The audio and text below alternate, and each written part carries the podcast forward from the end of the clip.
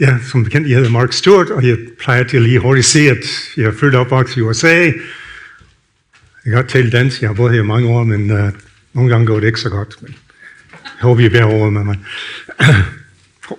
jeg har en fjernbetjening nu. Vi skal tale om det her nye emne.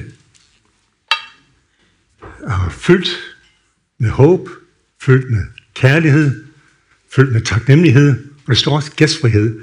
Det ved ikke, er det Samuel, der laver det her? Eller? Det er dig. Der kommer lige en ekstra i, men uh, den er også god. Men jeg tror ikke, vi skal tale om det. Det er noget helt andet. Uh, så det er mig, der har den første med håb. Næste uge så er det Rune, der har det med taknemmelighed. Det ikke rigtigt. Og Kent har med kærlighed. Om, om par uger. Det hele drejer sig om det her konsulent, øh, jeg kan ikke snakke, øh, konsulenterne brev. Og jeg kan godt tænke mig lige hurtigt, jeg har sådan en lidt speciel oplevelse med konsulenterne brev, fordi for 51 år siden, da jeg blev en kristen, jeg var til møder, og som 13-årig, og så der hørte jeg det var nok ikke første gang, men det gik op for mig, at Jesus skulle være min frelse. Og jeg gav mit liv til ham. Og til den møde, så fik jeg sådan lidt af lommebibel. Og som det er i USA, så har jeg sådan en møde, og så tager man ud og spiser, og så jeg var med familie og nogle venner, og jeg sad lidt på mig selv med den her bibel, og begyndte at læse. Og jeg slår op i Kolossenserne brev, og læser kapitel 3, og jeg kan stadig tydeligt huske det. Og jeg læste de første fem vers i kapitel 3, hvor det drejer sig om et, et nyt liv med, med Gud. Og jeg blev ved med at læse de der fem vers over og over igen, fordi jeg, jeg, jeg har lidt svært med lige at fatte det. Men det er stadigvæk taler til mig, efter 51 år. Den ene oplevelse. Den anden oplevelse, det er nogle år senere, så jeg kom til Danmark, og jeg er på en DTS med ungdom opgaver, og får en kæreste, og vi skal lige finde ud af, skal det være os to? Og som god humaniseren, så beder man og søger Gud om at få et ord til, at det er rigtigt eller ej. Og så fik vi Kolossenserne brev, kapitel 2, 1-2. Nej, 2-3, undskyld. Hvor det tales om, at uh, de skal være bundet sammen i kærlighed. Og det tror vi. Det var et ord. Og nu er det snart 44 år siden, så det er åbenbart passet. Og, så, og det er et eller andet sted, Bare de der to oplevelser, det er noget med kærlighed, også noget med håb, noget med taknemmelighed. I mine oplevelser bare med, med det. Men vi skal kigge på, jeg vil gerne til lidt baggrund til Kolossenserne. Så jeg håber, I kan se det sådan nogenlunde næsten på en måde. Kolosse, Kolosse, hvordan siger man det? Kolosse, okay. Den, øh, den lå, den findes ikke mere, det er bare i ruiner nu. Den lå i sådan vest, sydvest Turki, og lå tæt på Laodicea, hvordan siger man det navn? Den anden by, der er tæt på. Laodicea. Ja. Ja, det stod med IKEA, tænkte jeg på, det er på dansk. ja. Nå, det skal man selvfølgelig bare huske det. Og så ligger der, um, Ephesus ligger sådan 160 km vest for den. Og Ephesus, det var en stor by. Colosseum, det var sådan et, på sin måde et stor by i sin storhedstid. Den var grundlagt helt tilbage i 1700, 1740 Kristus. Så den gamle by. Og det var kendt for, det kan de gå videre til, det var kendt for, at den, den lå på en stor handelsrute. Det var de der røde streger uh, stor handelsrute, og var kendt for, uh, hvad jeg skrevet, tekstilindustri, hvor de producerer farvet, det står lille, men det var også andre farver, lille og uldstof. Det var det, de kendt for. Og det var sådan, når man læser om byen, så var den en rig by, der gik rigtig godt. Men så flyttede de den der vej, den der handelsvej, udenom, og så gik det bare ned ad bakken. Og så til Paulus' tid, så var der ikke så stor by, og andre ting, der overtog det. Og den anden ting, det var kendt for, som var lidt specielt, det var sådan meget blandet folkefærd. Og ikke bare, at der var flere religioner, men de blandede de religioner. Så de var også kendt for at øh, tilbyde engler. Er det engel? Man har ikke et flertal for flere angels. Nej, det var engel. Det er sådan mærkeligt. Hvorfor er det ikke et flertal? Nå. Øh og det var de kendt for, og det er en helt speciel historie om, omkring det, men det kommer jeg ikke ind for. Men det, det gjorde, at fordi de havde de her forskellige religioner og blandede dem lidt sammen, så Jesus, det er de kristne, det, det budskab kom, der Jesus, han var sådan et Gud mere, som de kan tilbyde. Og det er blandt andet det, Paulus han snakker om i det her, og gør det lidt klar. Jesus er ikke bare et Gud mere. Det kommer vi lidt tilbage til. Det er meget mere end det. Så det er et brev til kirken. Og det skal vi huske, at det er et brev. Og jeg tænkte meget på det. Fordi bøgerne, vi kalder det en bog, men det er et brev. Og, og når man tænker på det, hvis, hvis du kører i en tog, og du hører nogen snakke i telefonen, så hører du kun den ene side, og man kan blive lidt forvirret over, hvad, man kan gætte sig lidt, hvad de måske snakker om, hvad det hele samtale går ud på. Og hvis man kender dem rigtig godt, så kan man nok regne det nogenlunde ud. Hvis man ikke kender dem, så kan man ikke. Og det er lidt på den her måde, det er en envej samtale, det her. Det var, Paulus har fået noget at vide, og så skriver han dem det, men vi ved ikke helt præcis, hvad Paulus har fået at vide. Så han svarer på nogle ting, som vi ikke helt ved. Det er et brev. Og det med kapitel og vers, det er jeg sådan set lidt overrasket over. Det kom først i 1500-tallet. Det er sådan relativt nyt i forhold til hele Bibelen. Så det med at læse Bibelen med kapitel og vers, det er på sin måde, det findes nogle bibel, hvor det hele er fjernet, så det er bare teksten. Jeg kan godt tænke mig at få fat i sådan en, det er noget helt andet. Men det skal vi også huske, at det er sådan lidt opbygget på en anden måde. Nå. Jeg sige hans navn? Eprofas. Hvordan siger man hans navn? Eprofas. Tak. Han var præsten for byen, og muligvis også for IKEA, jeg næsten sagt. Hvad hedder den her? den anden by der. det siger man. Det, det er nogle ordentlig mine, han var måske også præst for den anden by også. Og han er højt sandsynlig, man ved ikke, han kommer fra um, Colossae, og han bliver højt sandsynlig kristen igennem Paulus, fordi Paulus han boede i Ephesus i mindst to år, og det står nemlig, at mens han var der, han hele region kom til ham og hørte om budskabet. Så man fornemmer, og man tror, at han kom også og hørte budskab om Jesus og blev en kristen, og så tog tilbage til sin hjemby, og så øh, evangeliserede der. Så, så det, han var præst, og det er hovedsageligt ikke jøder, og det også kommer frem også i bogen. Paul skrev det, han var i fængsel, eller i husarrest. Han var tilbageholdt på en eller anden måde. Og det var skrevet omkring året 60-62. Og det er nemlig Epaphras, som gav en rapport om kirken og fortæller om deres forhold. Det kan man også læse i bogen. Og det er der, man mener, at han fortæller nogle ting og nogle problemstillinger, de har, og så er det det, han adresserer i bogen. Det er noget baggrund. Jeg synes, det var meget interessant, det jeg læste om det, og jeg ved ikke, hvor interessant det er lige nu, men altså, det kan jeg bruge noget tid på selv. Man kan opdele bogen på den her måde, og det har Bible Project gjort. Jeg synes, at det er en god måde, og igen lidt tilbage til det der, at bogen ikke havde kapitel og vers før, så det kapitel og vers, de bliver lavet sådan set bare, og hvor meget tekst det er. Nå, nu er der så meget tekst, ah, vi laver en ny kapitel. Det, kommer, så det, det er jo ikke sådan en logisk opbygning, som den her måske er. Så den første del, det er den oprørte messias, og det vil vi læse lidt om senere. Den ledede apostel, det er Paulus, som fortæller om sig selv, og hvor han leder for kirken og leder for Kristus skyld. Og så presset for at vende sig væk, og det er det kirkens pres for at vende sig væk fra, fra Gud.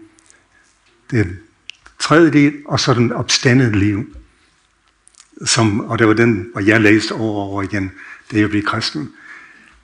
At hvordan vi kan leve det her nye liv, som vi har fået.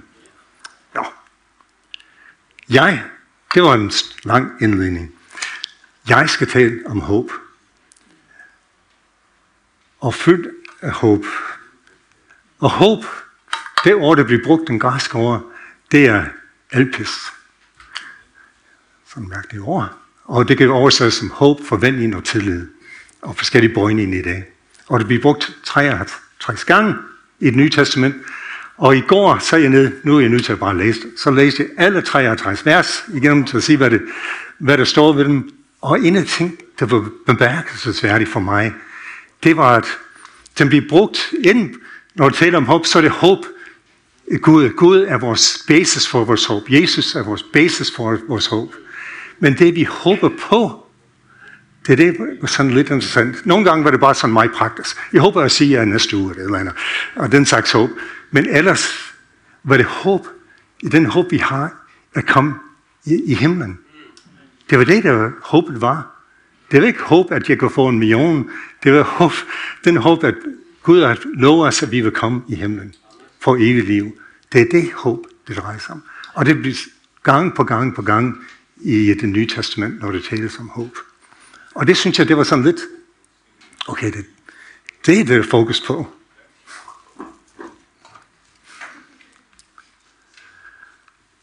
Så vi skal lige hurtigt læse de her tre vers, det man er tale om, som gør det meget tydeligt i Kolossenserne. Vi har jo hørt om jeres tro på Jesus som Messias, og om jeres kærlighed til alle, der tror på ham, en kærlighed, den næres ved forventninger. Det er den der overhåb, der elpes. Som den herlighed, der venter jer i himlens, sådan som jeg har hørt igennem den sande budskab om evig liv ved tro på Jesus, eller på Kristus. Og næste. Hvis I også bliver grundfæstet, hvis I også bliver grundfæstet og styrket i troen, så kan I også stå fast og ikke miste det håb, I modtog igen budskab om Kristus. Og den tredje, det er de tre steder, der står noget om håb i Kolossenserne. Gud besluttede at vise os, hvor stor en rigdom der ligger i, at budskabet om frelse også gælder for ikke-jøder. Det betyder, at Kristus nu bor i jer og giver jer et stærkt håb om den herlige fremtid. Og den herlige fremtid, den refererer til den første, når vi læste her. Den herlige, at himlen, det er ikke et herligt fremtid næste uge, eller om en måned. Det er en herlig fremtid i himlen. Ja, så er jeg sådan opsummeret for mig selv. Håb om evigt liv, som Jesus har gjort muligt gennem sit liv, død og opstandelse. Og så også for Bible Project, um, Tim Mackey, han sagde på et tidspunkt, håb, Bibels håb er baseret på en person, ikke omstændigheder. Og det synes jeg også, det er vigtigt. Det er ikke bare noget, vi ønsker. Det er et håb, men det er baseret på Gud. Baseret på, hvem Gud er. Det er det håb, at vi kan have. Det er baseret på ham. Og ikke bare omstændigheder. Og så ham, der drejer sig om Jesus. Og det, den her er bare så stærk, de her vers. Og det er sådan en lidt lang passage, men den er bare så god. Og jeg har læst den mange gange.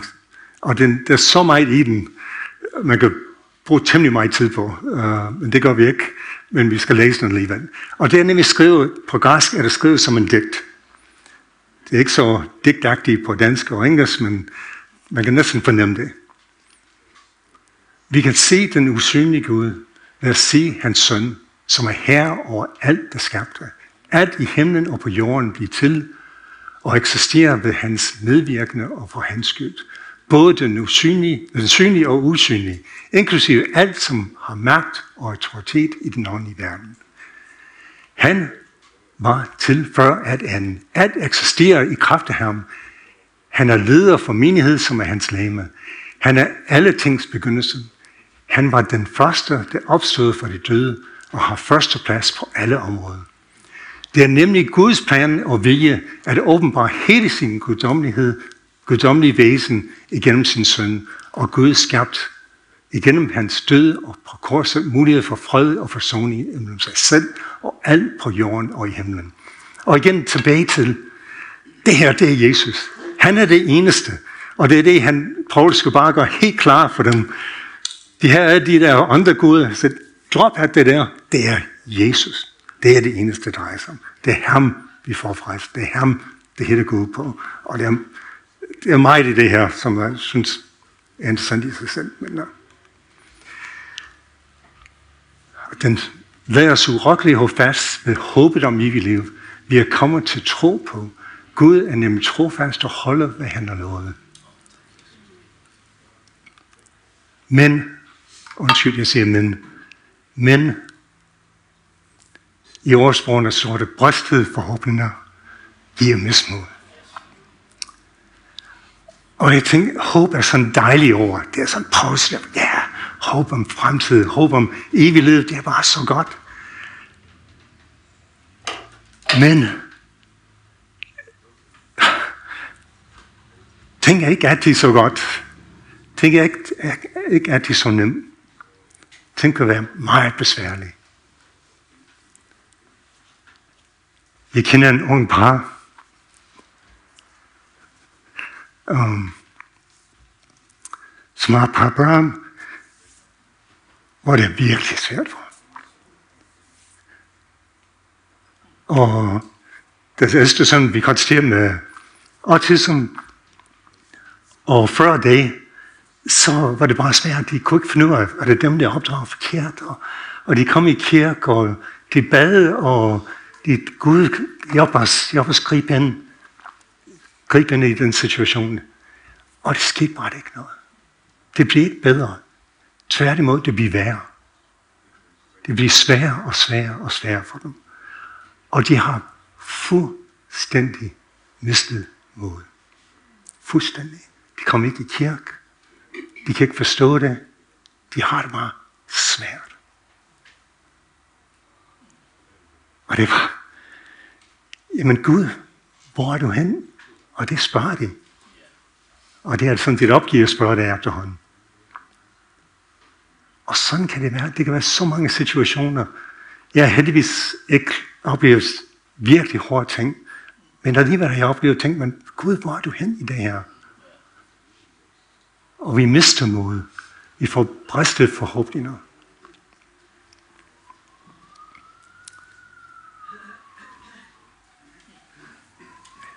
Nogle af vores gode venner, Jan og Jorden, Jan som døde for lidt over et år siden, det var store forhåbninger, at han ville blive helbredet. Jeg kunne snakke med ham, ja. Og jeg har snakket med Jorden om det her, model. Og det gik ikke som de regnede. Jeg kunne, vi besøgte Jan lige vi skulle til USA. Vi besøgte ham lige inden vi tog afsted. Han var på hospice. Og så sagde han nemlig lige præcis det. Ja, det gik ikke lige som jeg håbede på. Og det er igen svært. Og jeg tager det op, fordi på en måde, jeg vil gerne have den der forgyldende håb er bare fantastisk, og det er det på sin måde, men vi har et liv her, som er svært. Og jeg kan huske, Jan, jeg lavede en video med ham, som også blev vist her, og det var, mens han var sådan rimelig rask stadigvæk. Han havde konstateret øh, hans kraft og alt det der, og vi lavede en video, hvor han fortalte lidt om en situation, hvor det gik. Og så slutter han af med, altså, det kan gå godt, eller det kan gå rigtig godt. Altså, det kan gå godt, jeg bliver helbredt. Det kan gå rigtig godt, at jeg kommer hjem til Gud. Og det er den, det gik rigtig godt for Jan. Svært for os, svært for familien specielt. Og det, men det er den håb, som Bibelen taler om, som er håb om et evigt liv. Og jeg har det. Jeg kan ikke komme og sige, jamen de der besvær, de der problemstillinger, vi kommer ud for, og de kamp, vi har, jeg ved ikke. Jeg vil ønske, at jeg kan sige, jamen du skal bare gøre det, jeg skal bede på den her måde, og så løser alle problemer. Det gør det ikke. Til gengæld har jeg oplevet, Gud gør noget. Vi har også vidnesbyrd om folk, der bliver helbredet. Min egen mor blev helbredet for kraft for mange år siden. Så vi hører det, og vi kan opleve det. Og jeg selv oplever nogle ting, og tænker, det kan kun forklares. Det er kun Gud, der kan gøre det. Men vores daglige liv, og mange gange kan det være svært, besværligt og uforståeligt. og vores håb om evighed, og så forhåbentlig får en god forklaring på, hvorfor det ikke gik, som vi håbede. Hvorfor skal Jan døde? Hvorfor skal Karen om Sande døde? Hvorfor så mange, vi kan nævne, som gik bort, eller sygdom, eller hvad det nu kan være. Jeg vil ønske, at jeg kan give en slut af med bare, ja, det er fantastisk. Men det, ja, det står på Jens gravsted. Et liv under Guds besignelse. Jeg synes, at alligevel det er rigtig bestemt, at det skal stå på hans grav. Fordi tror jeg, jeg har ikke sagt med Jorden om det, at de kan alligevel gå tilbage og se, jamen Gud har været igennem. Det har været med sine liv.